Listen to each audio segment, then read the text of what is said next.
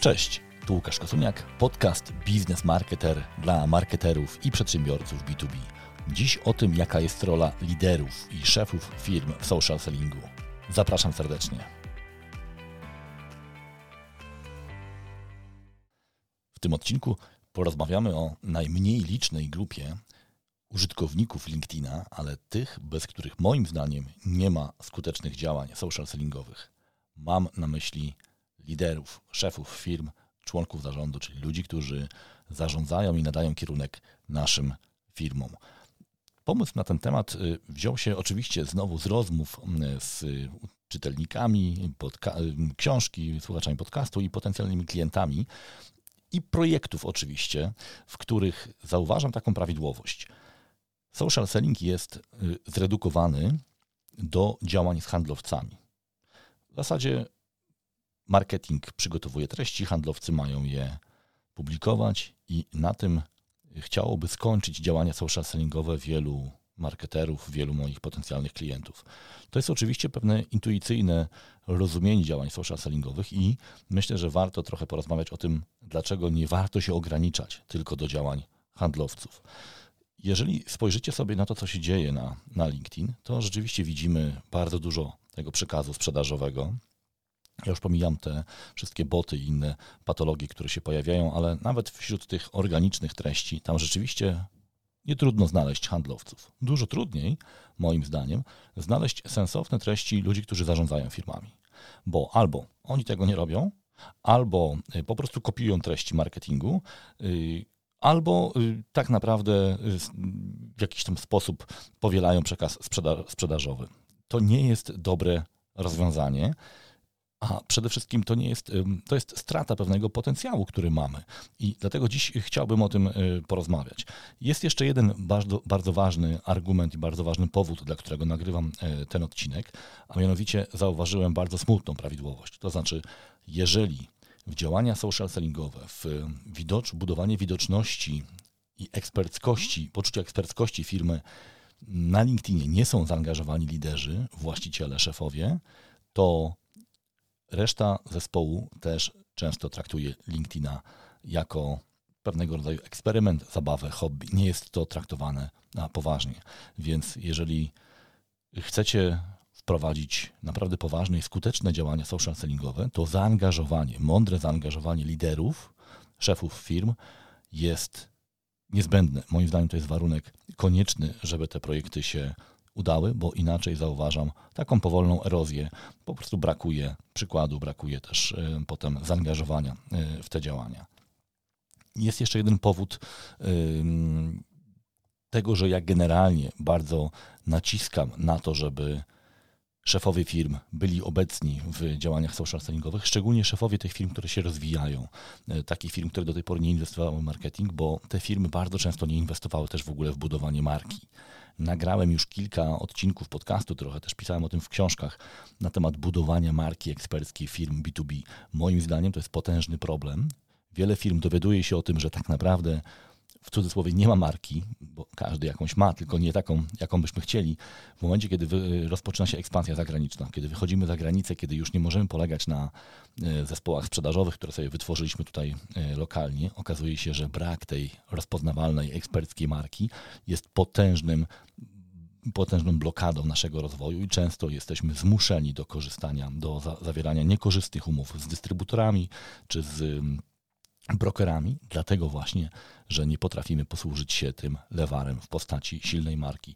A moim zdaniem mądra obecność liderów na LinkedIn jest nie jedynym, ale bardzo ważnym narzędziem budowania marki eksperckiej, tak jak powiedziałem, to jest bardzo zaniedbane w B2B. Ja nad tym bardzo boleję i pracuję nad tym mocno, żeby świadomość tego budowania marki była coraz większa. I to jest też kamyczek do ogródka tej mojej misji y, zachęcania liderów firm do inwestowania w markę y, nie tylko osobistą, ale i w markę firmy właśnie poprzez swoją osobistą działalność. Przejdźmy sobie może do takiego krótkiego opisu roli lidera, to znaczy co lider członek zarządu, y, szef firmy, osoba, która nadaje ton w tej, w tej organizacji, może zrobić w ramach działalności, y, w ramach tych projektów social sellingowych. Moim zdaniem są dwa, dwa obszary działania: wewnętrzny i zewnętrzny. Wewnętrzny, czyli można powiedzieć y, przykład i wsparcie tego programu. Zazwyczaj taką bardzo przyziemną formą wsparcia jest oczywiście bycie sponsorem, tak? czyli wygospodarowanie budżetu, yy, wsparcie działań marketingowych poprzez właśnie alokację odpowiednich środków. Yy, drugi ważny, ale już dużo częściej pomijany element jest taki, że lider powinien zadbać o to, ustalić, pytać i wspierać osadzenie działań social sellingowych w całości strategii marketingowej firmy. Bo jeżeli o to nie zadbamy, to te działania stają się jakimś takim hobby, jakąś taką wyspą samotną, która nie jest y, z żadnej strony chroniona. W związku z tym, jeżeli będzie jakiś brak czasu czy brak budżetu, łatwo jest ją zatopić, czyli mówiąc krótko, zamknąć ten program. Więc y, na miejscu szefów firm, czy ludzi, którzy odpowiadają za całość działań tej firmy, zanim zaangażuje się w program social sellingowy, myślę, że warto byłoby upewnić się, że te działania są powiązane. Jak one wpływają na działania marketingowe, jak one wpływają chociażby na obciążenie czasowe, czy one są odpowiednio przygotowane od strony zasobowej, czyli szkolenia, y, treści itd. Tak Warto się upewnić, czy ten program w ogóle jest dobrze wdrażany, zanim ja jako lider zacznę się w to y, angażować. I wtedy, jeżeli już mam tą pewność, że to jest dobrze przygotowane, no to moją rolą jako lidera jest też dawanie przykładu. Niezwykle ważny element. Bardzo często widzę taką sytuację, że szefowie firm nawet alokują budżet, nawet popierają te działania, ale tak naprawdę mniej lub bardziej świadomie dystansują się od nich. To znaczy, tak naprawdę nie angażują się w publikacje, nie pomagają w wytworzeniu treści, czasami łaskawie prześlą coś tam dalej, polubią, ewentualnie skomentują. Potężny błąd. Dlaczego? No bo jeżeli my mamy w firmie ludzi, którzy nie są jeszcze przekonani do skuteczności tych działań social sellingowych. A moje doświadczenie i statystyki wskazują na to, że to jest na początku programu zazwyczaj ponad połowa handlowców, którzy nie są przekonani, że to jest dobry pomysł.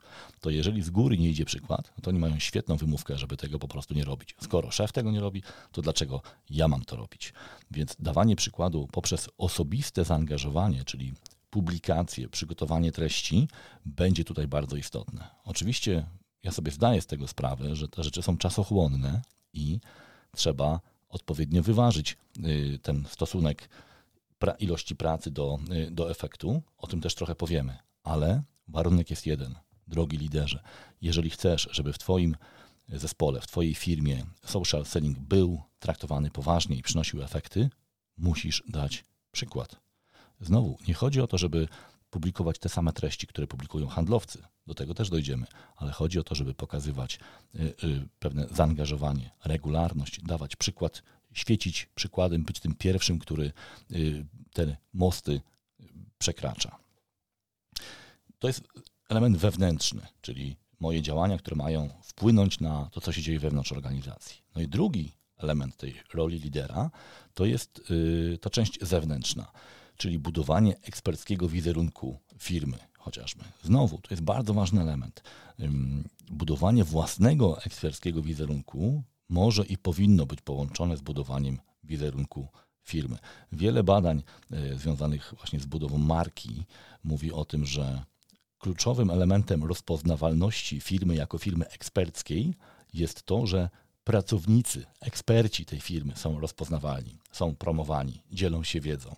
Więc to też dotyczy liderów. Oczywiście ten zakres wiedzy, którą się dzielimy, będzie trochę inny i y, o tym za chwilę powiem, bo y, pamiętajcie proszę, że y, liderzy nie muszą, nawet nie powinni w dużym stopniu powielać tych przekazów takich quasi sprzedażowych. Inna sprawa, że ja zachęcam również handlowców, żeby nie przesadzali z przekazem sprzedażowym na LinkedIn, od tego są kolejne etapy tego procesu y, generowania czy ogrzewania lidów.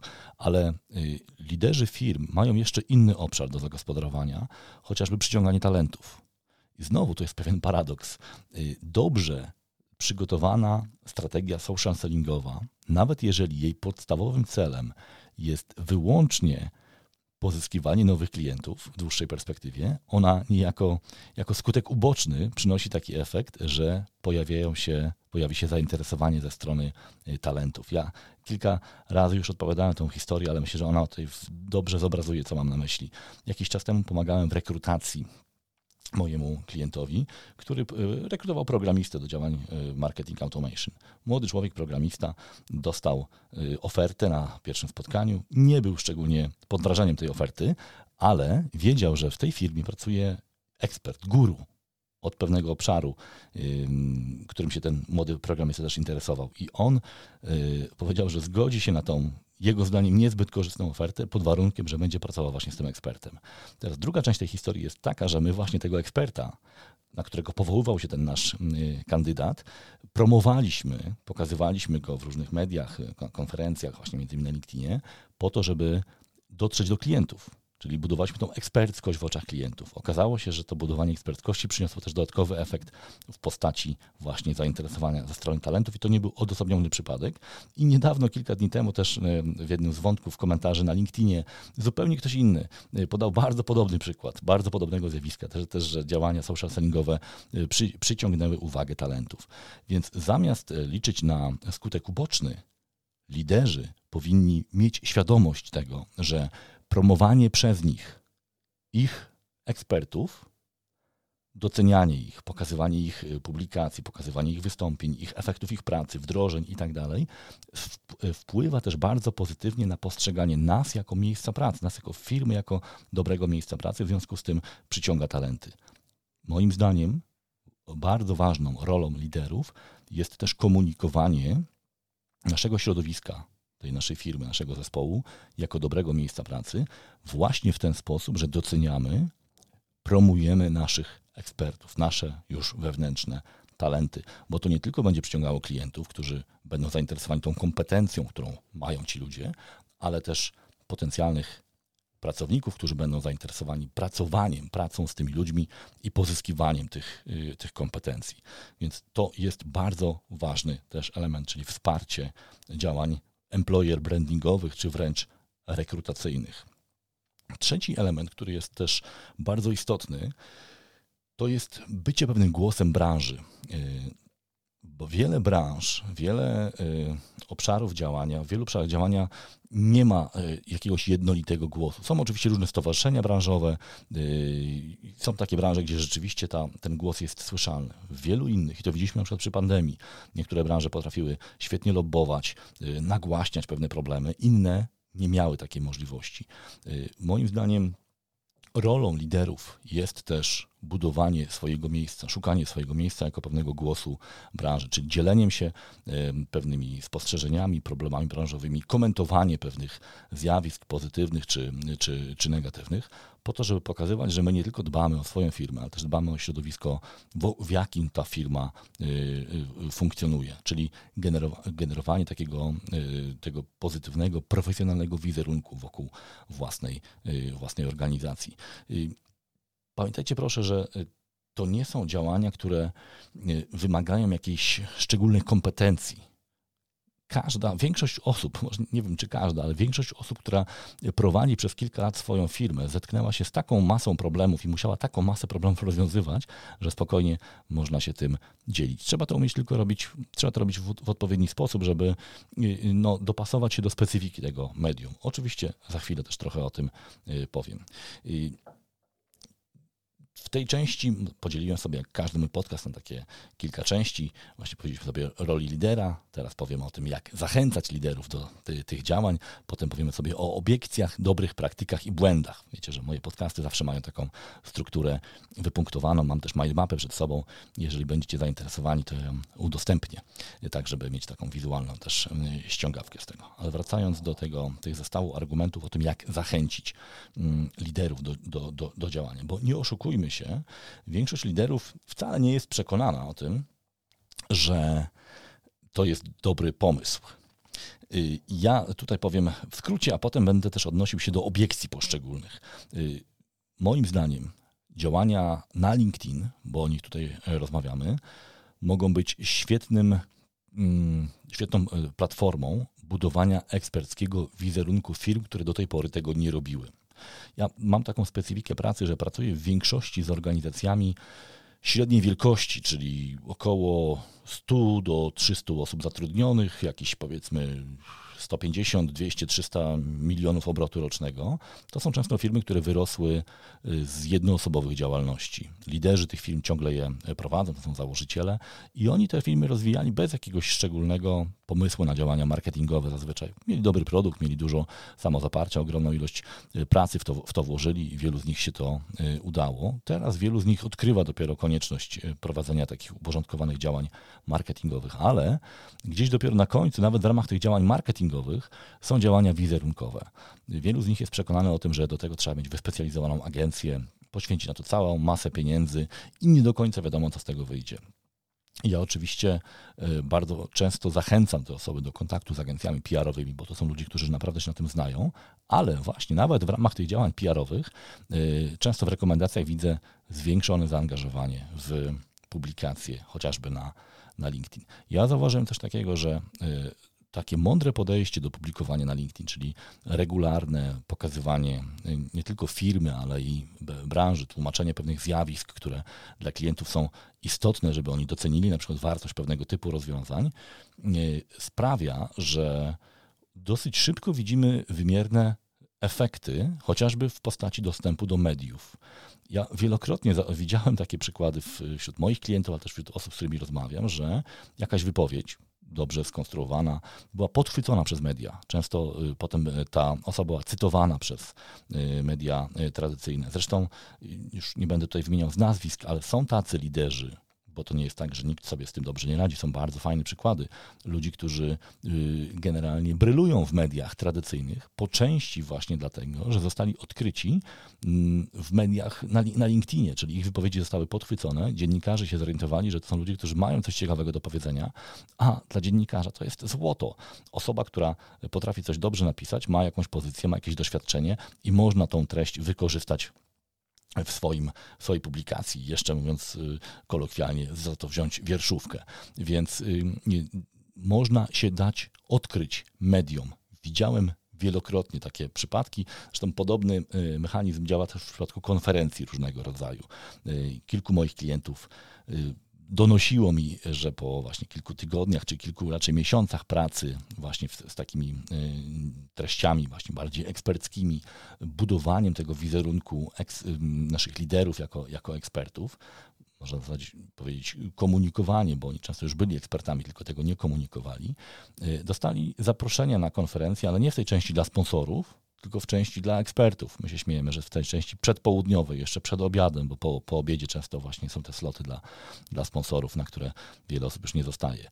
Więc bycie widocznym z przekazem y, istotnym dla odbiorców, niekoniecznie z przekazem produktowym, y, w przypadku liderów oznacza wejście też w świat mediów, w świat y, właśnie PR-u, czyli tej y, dostajemy do dyspozycji platformy, za które inaczej musielibyśmy dosyć dużo płacić. Więc to, to jest opłacalna y, praca.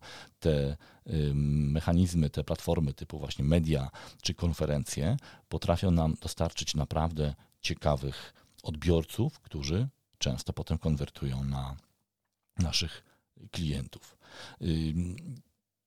Kolejny y, y, element to jest budowanie jakościowej sieci kontaktów.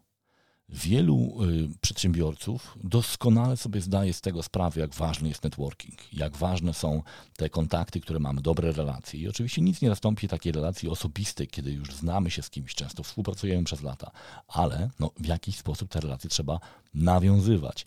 Jeżeli właśnie jesteśmy widoczni jako osoba, która ma jakąś wiedzę, coś ciekawego do powiedzenia, jest przydatna, jest pomocna, a często jeszcze właśnie potem jest już w konsekwencji tego zapraszana na różnego rodzaju konferencje, spotkania, udziela się w mediach, w różnych panelach dyskusyjnych, to mamy świetną okazję do budowania networku z osobami, których inaczej byśmy nie poznali, bo być może nie było takiej y, okazji. No i właśnie to jest, y, to, to jest powód tego, dla którego, y, dla, dla, dlaczego często szefowie firm, ludzie niesamowicie zajęci, pojawiają się na różnego rodzaju konferencjach. Nawet nie te prelekcje, czy te wystąpienia, które no, czasami oni już znają, a czasami mogliby coś jeszcze mądrzejszego powiedzieć niż ci występujący, ale właśnie to, że tam będą ludzie, z którymi normalnie by się nie spotkali, a będą mogli nawiązać tą nieformalną y, więź. A jeżeli jeszcze ci ludzie już nas wcześniej kojarzą z naszych ciekawych, mądrych wypowiedzi na LinkedIn, no to taka szansa na zbudowanie, pozyskanie kolejnych ciekawych kontaktów, które oczywiście potem przekładają się w jakiś sposób na działania biznesowe, jest o wiele większa. Bardzo ważny element i LinkedIn jest tu świetnym narzędziem. Został zaprojektowany wręcz do tworzenia tego networku. Oczywiście wiadomo, że musimy ten network potem, yy, potem pogłębiać.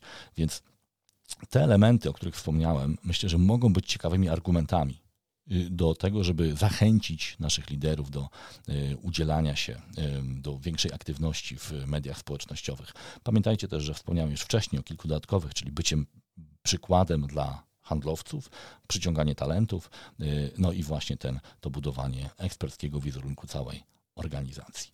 No to powiedzmy sobie teraz trochę o obiekcjach bo to też będzie okazja do tego, żeby jeszcze uzupełnić te argumenty, dlaczego warto, bo ja oczywiście z tymi obiekcjami będę e, dyskutował, będę starał się je w jakiś sposób obalić. E, część z nich to są moje doświadczenia osobiste z rozmów z wieloma liderami. Pamiętam kiedyś taką rozmowę. Jechałem w aucie, odebrałem telefon. Po drugiej stronie jeden z szefów dużej firmy HR-owej ktoś polecił mu moją osobę jako właśnie osobę, która może pomóc w tych działaniach social sellingowych, ale pierwsze zdanie w zasadzie tej osoby było takie, wie pan, panie Łukaszu, ale ja nie jestem ekshibicjonistą, ja się nie lubię uzewnętrzniać. Ja nie wiem, czy to jest dobry pomysł, żeby ludzie wiedzieli, co ja jadłem na śniadanie i gdzie ja aktualnie jestem. I to jest właśnie ta pierwsza obiekcja. Wiele osób postrzega media społecznościowe jako taką przestrzeń do ekshibicjonizmu. Y, tak, tak nie musi być. Wręcz ja zachęcam klientów, żeby nie myśleli w ogóle w tych kategoriach o obecności, szczególnie na LinkedInie, a podchodzili bardzo świadomie do tego, co publikują. Nie ma żadnej konieczności, żeby nasi odbiorcy znali nasze detale naszego życia prywatnego, wiedzieli, gdzie jesteśmy na wakacjach yy, i, i gdzie przebywamy akurat, czy w jakiej restauracji jemy, jemy obiad. To nie jest konieczne. W innych odcinkach tego podcastu mówię o tym, jak planować tą e, ekspercką markę osobistą. Tutaj tylko w skrócie powiem, że y, skuteczną metodą budowania zauważalności swojej widoczności w mediach społecznościowych jest ograniczenie tematów, na które się wypowiadamy, po to, żeby było to poczucie spójności. I w moim przypadku ja zazwyczaj nie angażuje się w rozmowy czy w publikacje inne niż na temat marketingu B2B, social sellingu czy marketing automation. To jest moja domena.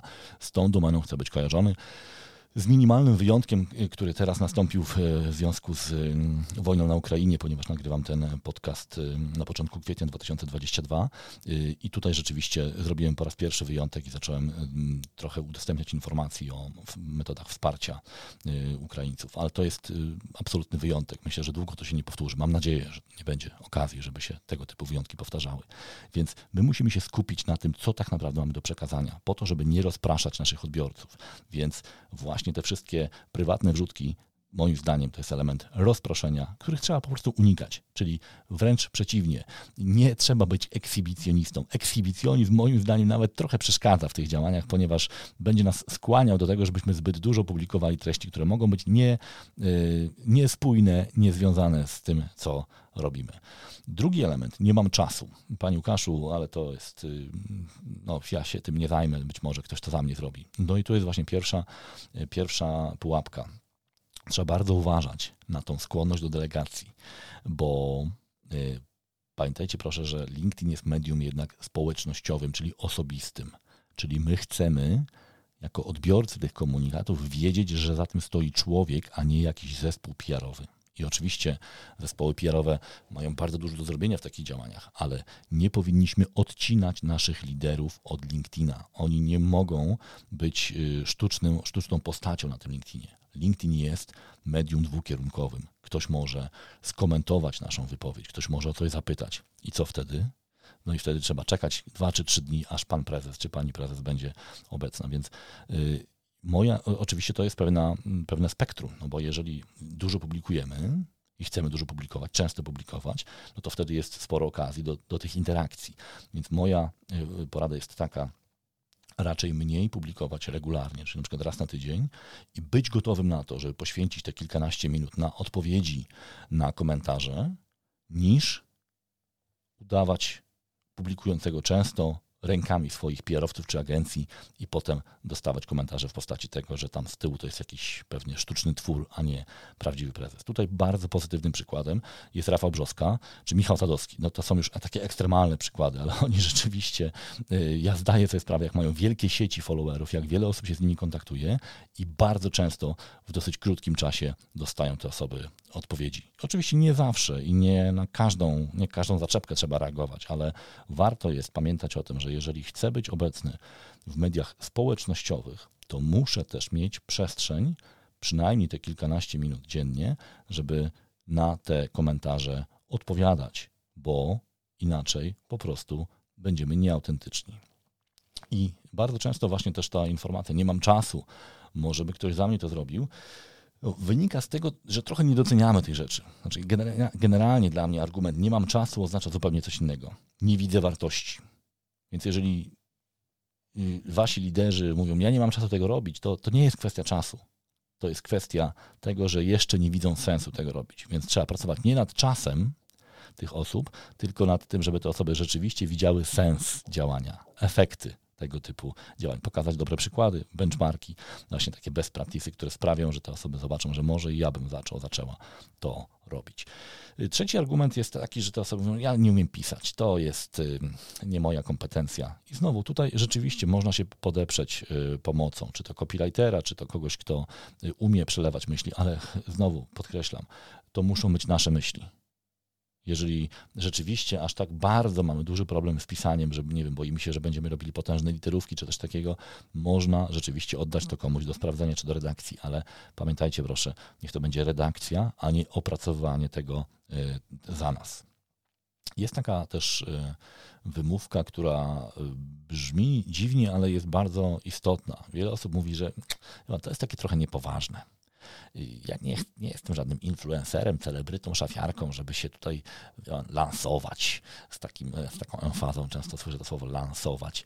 Mm, no i, i rzeczywiście trochę tak jest, że no nie chcemy być jako ludzie poważni, prowadzący poważne firmy, traktowani jak influencerzy, celebryci, prawda? bo to odbiera powagę też naszej mar, mar marce. No, mm, Tutaj zawsze warto pokazać też tych, te osoby, które są poważnymi liderami, a na LinkedInie są, czyli na przykład Bill Gates. E, ja też bardzo lubię y, twórczość czy postawę Richarda Bransona, ale to on ma specyficzną bardzo osobowość. To jest taki zbuntowany, ciągle młodzieniec w ciele już dojrzałego mężczyzny. Ale Bill Gates, który jest introwertykiem, takim trochę molem książkowym, a jednocześnie miliarderem, filantropem, znajduje czas na to, żeby zaznaczyć swoją obecność. Oczywiście on ma bardzo konkretne, spójny, y, spójną agendę w tej chwili, skupia się na pewnych problemach społecznych, które omawia i, i tak też można. Można w sposób poważny y, na LinkedInie funkcjonować. Więc niekoniecznie to musi oznaczać, że jesteśmy niepoważni. Też jest też druga strona tego, tej, tej, tej, tej postawy. Nie musimy udawać niepoważnych. Ja często teraz y, słyszę taką, taki, taką, mm, takie pytanie, czy dałoby się zrobić takie śmieszne filmiki na tym LinkedInie, coś takiego śmiesznego, bo to ludzie dobrze reagują. Moi drodzy, jeżeli ktoś uważa, że robienie śmiesznych filmików na LinkedInie jest proste, to muszę Was zmartwić. To jest dużo trudniejsze niż robienie nieśmiesznych filmików.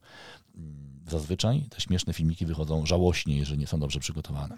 Oczywiście wiele, wielu z nas zna profil hejterzy, postać Jasona, y, natomiast, moi drodzy, to nie jest tak, że panowie sobie stawiają kamerkę, y, piją sobie piwko i nagrywają w tak zwanym międzyczasie te materiały wideo. To jest w tej chwili już praca całej ekipy, planowanie yy, i tak dalej. Wtedy dopiero te filmy, mimo że są, może dlatego, że są śmieszne, są też atrakcyjne, ale one są dobrane do specyfiki grupy docelowej. Akurat w przypadku hejterów grupą docelową są kandydaci do pracy, w związku z tym ten język jest taki rubaszny, bo jest specyficzny dla, yy, dla, dla, tej, dla, tej, dla tej właśnie grupy, do nich to dociera.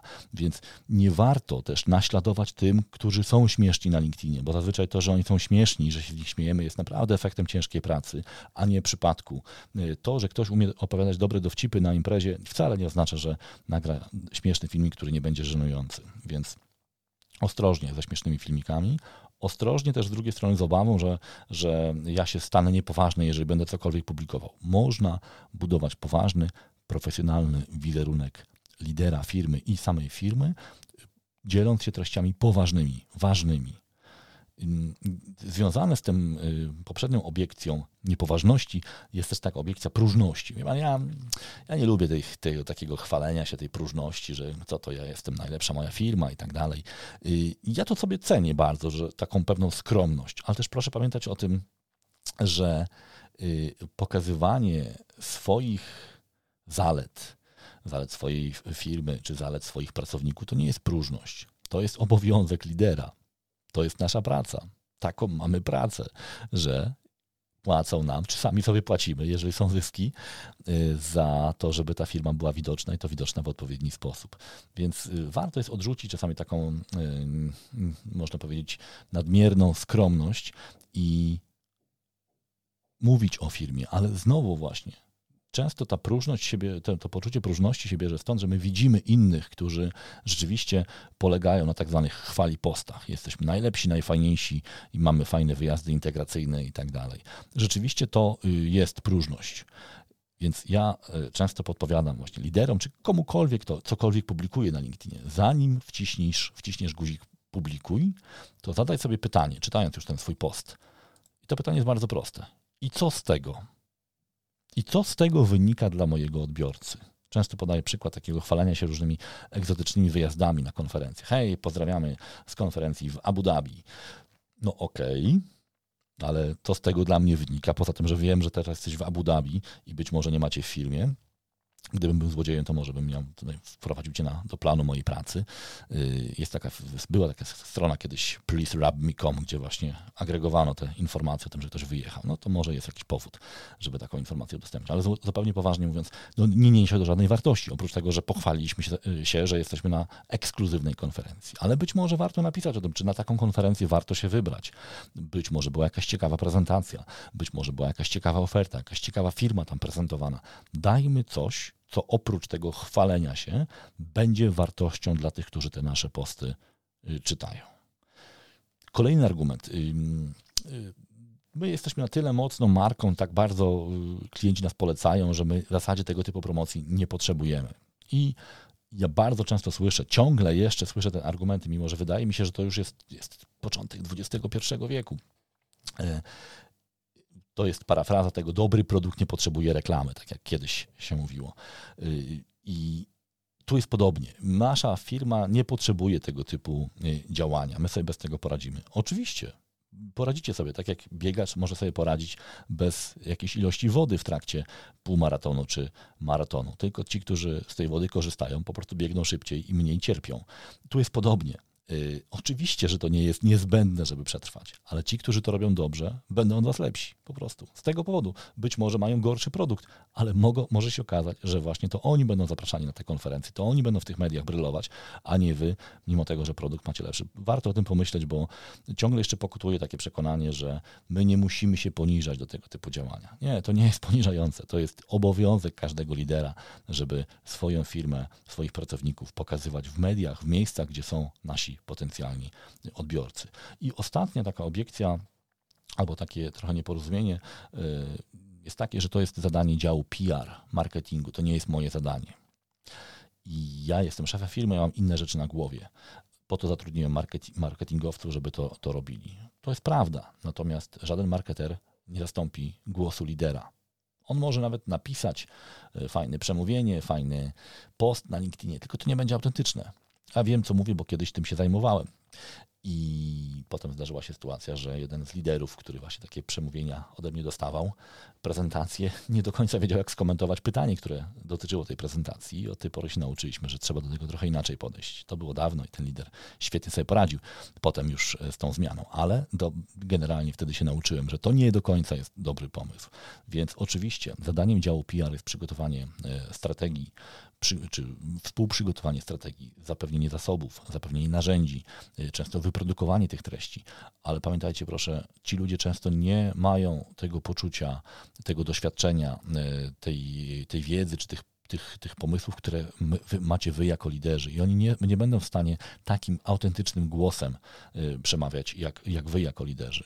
Warto jest y, dać sobie takie zadanie właśnie, żeby pokazywać też głos tego tak zwanego leadershipu, czyli tych ludzi, którzy odpowiadają za te firmy.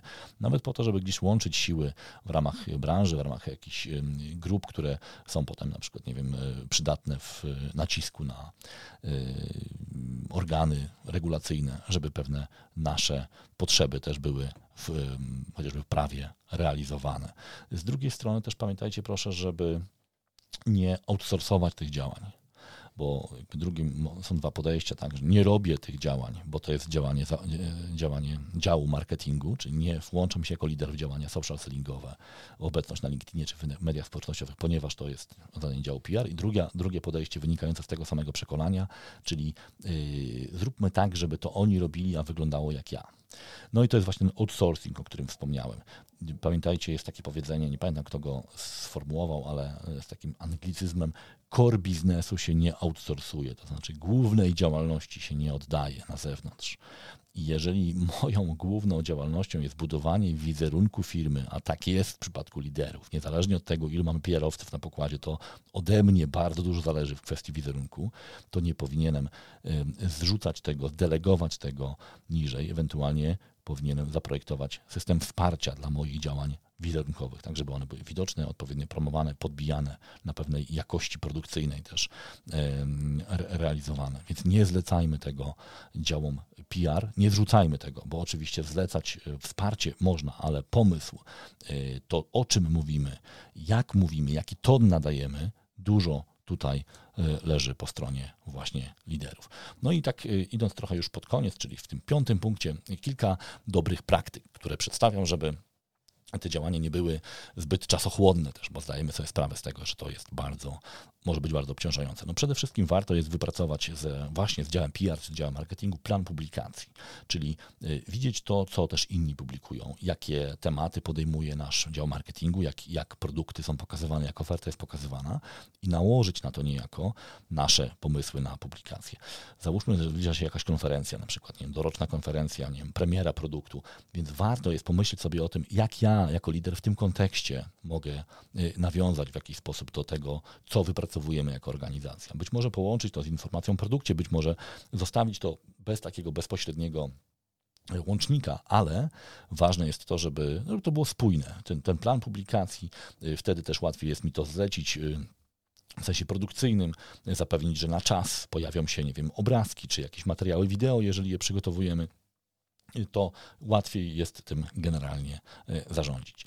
Oprócz publikacji, ja też bardzo zachęcam do tego, żeby obserwować ciekawe osoby, ludzi, którzy, których cenimy ze względu na ich e, wiedzę, na ich kompetencje, ale też szczególnie na początku tych działań, ze względu na to, jak oni sobie radzą na LinkedInie. I właśnie takie e, postaci chociażby jak Bill Gates, czy na przykład z polskiego, z polskiego podwórka pan Przemysław Gdański, to są osoby, które świetnie sobie radzą jako liderzy na LinkedIn. Często bardzo w taki sposób autentyczny się wypowiadają na wiele, na wiele e, tematów i mają z tego też konkretne korzyści, co tu dużo gadać. Robią to w sposób, jak każdy menedżer, analizują koszty i korzyści i zazwyczaj ten rachunek jest bardzo na korzyść właśnie tych yy, korzyści. Plan publikacji, o którym wspomniałem w pierwszym punkcie, służy też temu, żebyśmy y, utrzymywali pewną spójność tematyczną i regularność. Spójność tematyczna to, to jest właśnie to, żebyśmy się nie rozpraszali na 30 różnych zagadnień, tylko pamiętali o tym, że wypracowujemy w ten sposób. Każda kolejna publikacja albo ułatwia naszym odbiorcom budowanie jakiegoś konkretnego skojarzenia z naszą osobą albo naszą firmą, albo utrudnia. Czyli jeżeli ja publikuję na podobne tematy, omawiam podobne zagadnienia, za każdym razem trochę inaczej, to ja tą spójność tematyczną buduję. Jeżeli natomiast lawiruje pomiędzy polityką, kwestiami obyczajowymi, e, plotkowaniem, e, hobby, gadżetami, e, chwaleniem się i tym, co robi moja firma, to tak naprawdę bardzo utrudnia zbudowanie tego skojarzenia, a to jest jedyny sposób na to, żeby przebić się przez szum informacyjny, czyli bycie spójnym tematycznie i w miarę regularnym.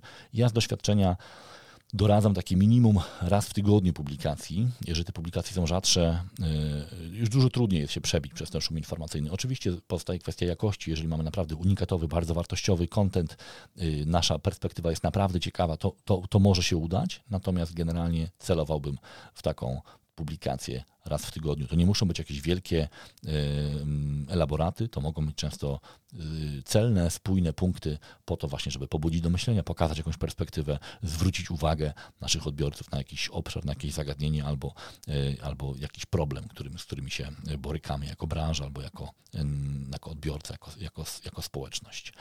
I ważne jest też to, żeby zadbać o pewne takie szczegóły, powiedziałbym, taktyczne. Na przykład oznaczanie, czyli w każdym poście, jeżeli przed czyimś nazwiskiem czy nazwą firmy dodamy tą, e, ten znacznik et, tak zwaną małpkę, to wtedy możemy oznaczyć e, tą firmę albo tą osobę. Ta osoba się o tym dowiaduje, czyli jest powiadomiona przez LinkedIn, że ktoś ją oznaczył w publikacji. I to można wykorzystać na wiele sposobów, ale ja polecam szczególnie liderom to, żeby y, chwaląc, doceniając swoich pracowników, zawsze ich oznaczali. Czyli jeżeli na przykład mamy jakąś ciekawą publikację, ciekawy projekt, jakieś osiągnięcie naszego, naszych pracowników, warto ich oznaczyć właśnie tak, żeby oni też widzieli, że prezes, dyrektor mm, i oznaczył tę osobę, to bardzo pozytywnie wpływa zazwyczaj na samopoczucie tej osoby, ale też i jest dobrze odbierane przez społeczność, szczególnie właśnie osób, które, którzy być może zastanawiają się, czy nie złożyć aplikacji do nas. Podobnie jest też z klientami. Myśmy kiedyś prowadzili takie projekty, w których nasi klienci yy, przedstawiali swoich klientów czyli y, chwalili ich, pokazywali ich ofertę, generalnie chwaląc też siebie, że mają takich fajnych klientów, czyli taka, wiecie, takie chwalenie siebie przez chwalenie klientów, ale to było bardzo y, takie, bardzo przyjemne, bo oni po prostu przedstawiali y, swoich, swoim odbiorcom, swoich, swoim potencjalnym klientom, tych klientów, którzy już zdecydowali się na współpracę, takie krótkie dosie razem z jakąś grafiką, czasami z jakimś wideo, to było bardzo pozytywnie odebrane, nie tylko przez tych chwalonych klientów, ale też przez tych, którzy te komunikaty dostawali. Zresztą zdarzały się sytuacje, że oni potem wchodzili w jakąś tam y, kooperację, więc oznaczanie klientów. Oznaczanie ekspertów zewnętrznych. Jeżeli mamy jakąś ciekawą wypowiedź branżową i y, być może chcielibyśmy, żeby do tej, do tej dyskusji dołączył ktoś, kto ma wiedzę branżową właśnie, a jest na zewnątrz, jest ekspertem niezależnym, warto taką osobę oznaczyć. Oczywiście tutaj zawsze trzeba pamiętać o tym, żeby to nie było takie wywoływanie do tablicy, bo czasami tak jest to, jest to odbierane. Jeżeli chcemy to zrobić, no to y, czasami można nawet zapytać wiadomości prywatnej, y, a jeżeli nie możemy tego zrobić, to zróbmy to w taki sposób, żeby ta osoba nie czuła się zobowiązana do udzielenia y, odpowiedzi.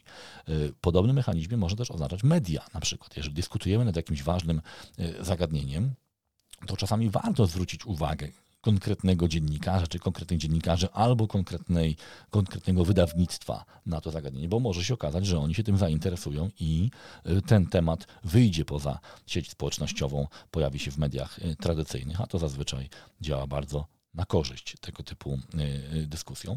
No, ja widziałem też takie sytuacje, kiedy oznaczano polityków, którzy są obecni na LinkedIn. To właśnie były dyskusje a propos różnych regulacji branżowych, zjawisk mniej lub bardziej pozytywnych dla całej branży.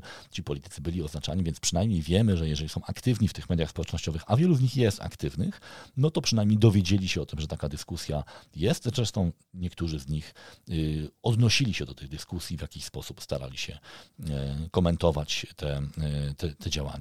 Więc warto jest nawet na takim poziomie właśnie taktycznym przypilnować tego, tych oznaczeń, bo to będzie oznaczało, że my y, wychodzimy z tym naszym komunikatem do konkretnych osób. Właśnie pracownicy będą sobie to bardzo cenić, klienci mogą też y, odebrać to jako bardzo pozytywny element, jeżeli ich na przykład w ten sposób chwalimy, a eksperci mogą y, włączyć się do, do dyskusji. Więc pamiętajcie o tych dobrych praktykach. No i na koniec zostawiłem sobie błędy, które których trzeba unikać, mówiąc krótko. Po pierwsze, brak regularności, czyli słomiany zapał. To można zminimalizować mając plan publikacji, czyli jeżeli mamy pomysł na kilka publikacji, yy, na kilka kolejnych tygodni czy miesięcy, no to jest duże prawdopodobieństwo, że utrzymamy pewną regularność mimo cięższych czasami okresów, kiedy nie możemy publikować, mamy już coś gotowego do, do, do, do przygotowania. Podobnie ta spójność, jeżeli yy, chcemy, żeby yy, przebijać się przez ten szum informacyjny, musimy zadbać o to, żeby komunikować y, no, zamkniętą liczbę y, zagadnień czy problemów. Inaczej nie zbudujemy wyraźnego skojarzenia naszej marki osobistej z jakimś zagadnieniem czy naszej, naszej marki y, firmowej. Kolejny błąd, powielanie tego, co piszą handlowcy. Handlowcy są skupieni na tym, żeby pozyskiwać klientów w sposób taktyczny. Oni mają zamykać sprzedaż. My, jako liderzy, oczywiście też chętnie pomagamy naszym handlowcom, ale powinniśmy być skupieni na tym, żeby budować też wizerunek firmy, docierać też nie tylko do odbiorców naszych produktów, ale też do, do ich szefów, do y, budować pewną społeczność. Nie musimy, nie warto kopiować tylko tego, co robią handlowcy. Oczywiście raz na jakiś czas można pokazać, szczególnie kiedy wiem, produkt ma nową wersję, jest premiera i tak dalej, wtedy oczywiście tak, ale to nie powinna być kopia y, tego przekazu handlowców, dlatego warto jest też pracować z działem PR-u czy marketingu, żeby przygotować sobie trochę inną linię komunikacji żeby to rzeczywiście trochę było na innym poziomie niż to, co publikują nasi handlowcy. Każda rola ma swoją specyfikę w komunikacji. E, kolejny błąd, taka, takie przepychanie, takie tylko udostępnianie. Czasem widzę właśnie szefów firm, którzy robią tylko forwardy. E, analizuję sobie e, ich zachowania i widzę, że tam nie ma żadnego posta opublikowanego przez tego lidera, tylko jest like, forward, like, forward no to w zasadzie nie buduje żadnego wizerunku. Po prostu nie wiadomo, co to znaczy, poza tym, że ktoś też przesłał. Jeżeli chcemy w jakiś sposób zaistnieć, to musimy mówić swoim głosem, a nie tylko być tym, który przepycha dalej pewne e, komunikaty. Właśnie kolejny błąd, już bardzo związany z tym, to jest ten outsourcing, o którym powiedziałem.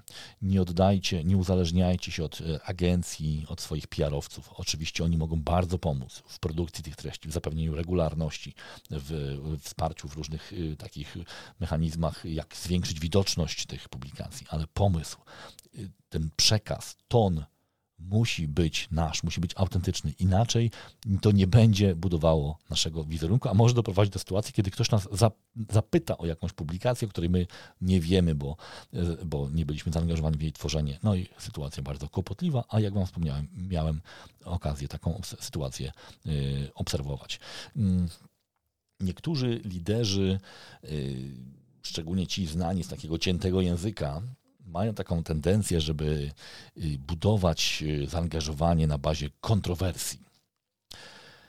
I, I, ja wam powiem, że to się nie opłaca.